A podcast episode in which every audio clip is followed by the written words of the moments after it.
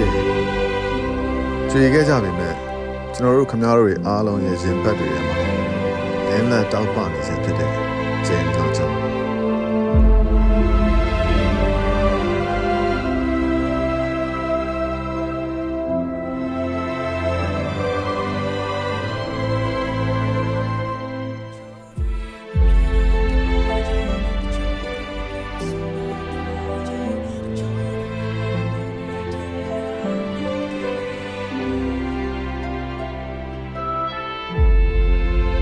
တို့ပန်းနိုင်ကိုမြင်ရဖို့လမ်းပြပေးတဲ့ကြည်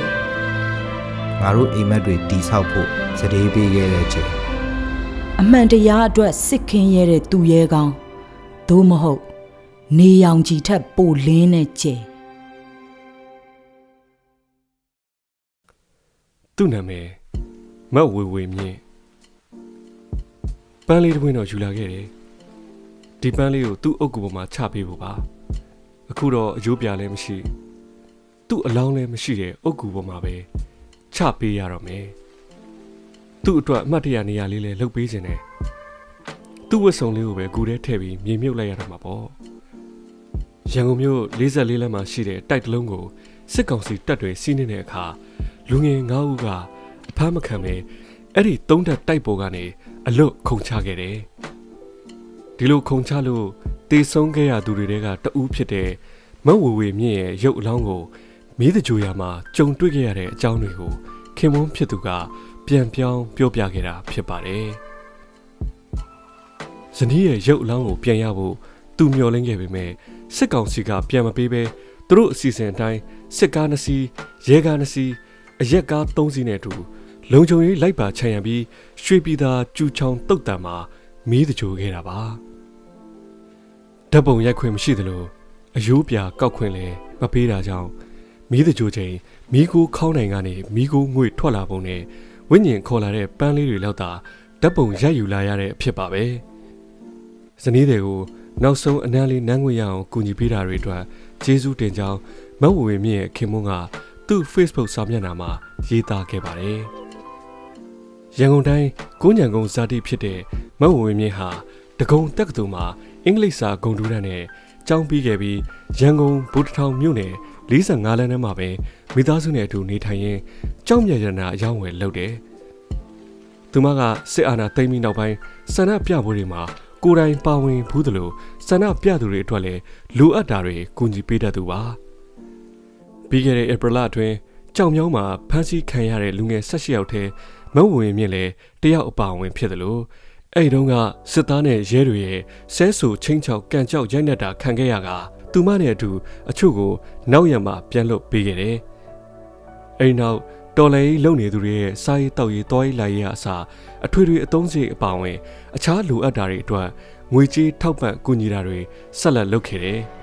။အခုဖြစ်စဉ်မှာမန္တလေးနဲ့ပြင်ဦးလွင်ကိုမိသားစုလိုက်ခီးထွက်ရကနေ ရန်ကုန်ပြန်ရောက်တဲ့2021ခုနှစ်ဩဂုတ်လ10ရက်နေ့မှာပဲဗိုလ်တထောင်မြို့နယ်6ရက်ကွက်44လမ်းကအရေးခင်းဖြစ်ပွားမဲ့တိုက်အမှတ်16သုံးလွာကိုမဝေမြင့်ကအလူငွေသွားပေးခဲ့တာအဲ့ဒီမှာမဝေမြင့်အပါအဝင် လူငယ်9ဦးရှိနေပြီးညနေ3:45အချိန်အကြမ်းဖက်စစ်ကောင်စီတပ်ဖွဲ့တွေဝင်ရောက်စီးနင်းပစ်ခတ်တဲ့အခါငါးယောက်ကအဖမ်းဆီးမခံဘဲတိုက်ပေါ်ကခုန်ချလိုက်ကြတယ်။ ပေ90မြင့်တဲ့သုံးထပ်တိုက်နောက်ပေါက်ကနေပထမအဦးဆုံးခုန်ချလိုက်တဲ့သူကကိုရဲမင်းဦးခေါ်ရဲကြီး1994ခုနှစ်ဖွာအသက်28နှစ်အရွယ်ကိုရဲမင်းဦးက2020ခုနှစ်အရှိတိုင်းဘာသာရပ်နဲ့ကြောင်းပြီးထားတဲ့သူကိုရဲမင်းဦးခုန်ချပြီးနောက်ကနေကိုမင်းသစ္စာအောင်ခေါ်ဗလာကိုဝေစောထက်ခေါ်ဝေကြီးကိုဝင်းရန်ထက်ခေါ်ရန်ရန်နဲ့မတ်ဝေဝေမြင့်ခေါ်မတ်အပယ်ခေါ် ပန်းဒီတို့ဂျာလီမတဲ့ဆွစုပေါင်း9ယောက်အသီးသီးခုန်ချခဲ့ကြရမှာအောက်ကကွန်ကရစ်ကြောက်သားပေါ်ပက်လက်နေထားနဲ့ပြုတ်ကျခဲ့ကြတယ်အင်ဂျီလိမ်မောင်ရောင်ဝစ်စင်ထားသူကိုဝေစောထက်နဲ့မတ်ဝေဝေမြင့်တို့နှစ်ဦးသာပွဲချင်းပြီးတေဆုံးခဲ့တာတွေ့ရပြီးကြံ၃ဦးကတော့သတိကောင်းစွာရနေတဲ့အနေအထားမှာတက်မတော်စစ်ဆေးရုံနှစ်ခုစီပို့ဆောင်ပေးခဲ့ရကြောင်းတယောက်ကဥကောင်းထိ နှစ်ယောက်ကခြေကျိုးလက်ကျိုးပြီးဆေးရုံရောက်တဲ့အချိန်ထိသူတို့တွေအသက်ရှင်နေသေးကြောင်းသုံးယောက်စလုံးသတိရှိနေပြီးရေတောင်းလို့တောင်တိုက်လိုက်ရသေးကြောင်းဒါပေမဲ့ဆေးရုံရောက်ပြီးနောက်ပိုင်းအခြေအနေကိုတော့မသိရကြောင်းအဲ့ဒီနေ့ဖြစ်စဉ်မှာစေတနာဝန်ထမ်းအဖြစ်ပါဝင်ခဲ့သူပြောတာကိုမီဒီယာတစ်ခုကကိုးကားပြောဆိုတယ်။ရဲနဲ့စစ်တွေဝင်ရောက်စီးနှင်းတဲ့အခန်းထဲမှာကြံခဲ့တဲ့ကိုဝေဖြူအောင်ကိုတီဟကောင်းဆန်နဲ့မတ်ပူးကြော့ကြော့ခန့်တို့၃ဦးလဲအဖမ်းဆီးခံခဲ့ရပြီး ကိုကောင်းမင်းတန့်ခေါ် flash ကတော့ဒီတက်ရဲ့ခေါင်ဘူးမှာတညလုံးပုံးနေရကနေထွက်ပြေးလွတ်မြောက်သွားတယ်လို့နောက်ပိုင်းကျသိရတယ်။အဖမ်းခံရသူလူငယ်၃ဦးနဲ့ကိုဝန်ဆောင်တဦးဖြစ်တဲ့မတ်ပူးကြော့ကြော့ခန့်ကဖမ်းဆီးထိမ့်သိမ်းခံရစဉ်မှာပဲ2022ခုနှစ်ဖေဖော်ဝါရီလနောက်ဆုံးအပတ်တွင်သမီးမိန်းကလေးတစ်ယောက်မွေးဖွားခဲ့တယ်။မဝေမြင့်ကတော့သေဆုံးချိန်မှာအသက်29နှစ်ရှိပြီး ခင်မုန်းဖြစ်သူသွားဆရာဝန်နဲ့အတူနန်းထက်ရည်လို့ခေါ်တဲ့9နှစ်နဲ့10လအရွယ်သမီးလေးကြံရိတ်ခဲ့တယ်။ခုံချခဲ့တဲ့ဖြစ်စဉ်နဲ့ပတ်သက်လို့စစ်ကောင်စီတပ်ရဲ့အဓိကတာဝန်ရှိသူတွေကဗျူဟာမူဗိုလ်မှူးကြီးစိုးထွန်းဗိုလ်တထောင်မြို့နယ်မူပဇွန်တောင်မြို့နယ်မူဗိုလ်တထောင်နဲ့ပဇွန်တောင်စခန်းမူပဇွန်တောင်6ရပ်ကွက်အုပ်ကြီးရာအိမ်မှုတွေနဲ့ရဲတပ်ဖွဲ့ဝင်နေပါပဲ။ခုံချလိုက်ကြပြီး အပေါ်စီးကနေရိုက်ယူထားတဲ့ဓာတ်ပုံတစ်ပုံနဲ့အောက်ဖက်မြေပြင်ပေါ်တုံးလုံးပတ်လက်လဲကျနေသူတွေကိုညောင်ရွက်တွေကြားထဲကနေမြင်ရတာအင်မတန်ကြေကွဲစရာကောင်းတယ်။ညောင်ရွက်တွေတစ်ကိုင်းမှာခိုတွဲနေသလောက်တောင်မှလူငယ်တွေရဲ့ဘဝတွေခမညာဒီနိုင်ငံရဲ့အကိုင်းခတ်တွေပေါ်ကုတ်ကက်ခိုဆွဲမမြဲနိုင်တော့တဲ့အဖြစ်ကအံ့ဩထိတ်လန့်တုန်လှုပ်စရာပါပဲ။ဒီနိုင်ငံရဲ့တော်လှန်ရေးသမိုင်းမှာတော့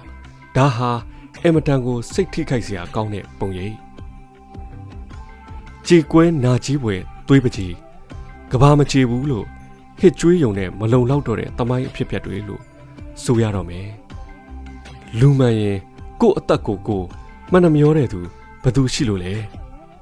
ဘသူမဆိုရှင်တန်ချင်းကိုစုံမှတ်ဖတ်တွယ်ထားကြကြတဲ့သူတွေချိပဲမဟုတ်လားဒါပေမဲ့ဒီနေ့မျိုးဆက်တဲ့လူငယ်တွေကတော့ စစ်ဖနက်အောက်ဒူးထောက်ပြီးအသက်ရှင်ရမယ့်အစားတေချင်းကိုပဲပြက်ပြက်သားသားရွေးချယ်ခဲ့ကြပါပြီအင်မတန်မှတွေးရတဲ့လူငယ်တွေဘယ်တော့မှဒူးထောက်အညံ့ခံမှာမဟုတ်တဲ့မျိုးဆက်တွေဒီတော်လန်ရေးကိုအောင်ပွဲရတဲ့အထိမနိုင်နိုင်အောင်တိုက်မဲ့သူတွေခန္ဓာကိုယ်တစ်ခုလုံးက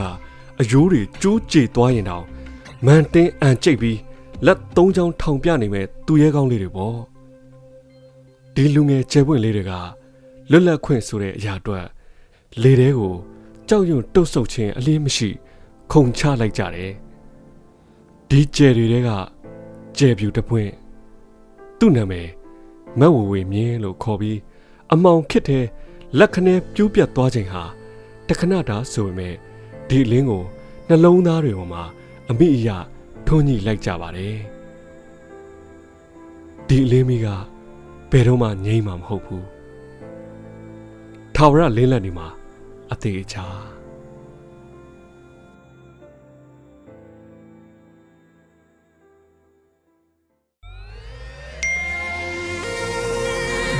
PPTV ကမျိုးတော်လိုင်းရေးဆိုင်ရာအစီအစဉ်ကောင်းတွေကိုရည်စည်တင်ဆက်ပေးနေရရှိပါတယ်။ PPTV ကထုတ်လွှင့်တင်ဆက်ပေးနေတဲ့အစီအစဉ်တွေကို PPTV ရဲ့တရားဝင် YouTube Channel ဖြစ်တဲ့ youtube.com/c/pptv မြန်မာကို Subscribe လုပ်ကြည့်ရှုပေးကြရဖြင့် တော်လိုင်းကိုတစ်သက်တအားဖုန်းမှုပြည့်ပေးနိုင်ပြီဖြစ်ကြောင်းသတင်းအောင်ပါလိုက်ပါရရှင်။စိတ်ရကလစ်တွေနဲ့တော်လိုင်းရေးကိုနိုင်တဲ့ဘက်ကထိတ်ဆက်အားဖြည့်လိုက်ကြအောင်ပါ။အရေးတော်ပုံအောင်ရမည်။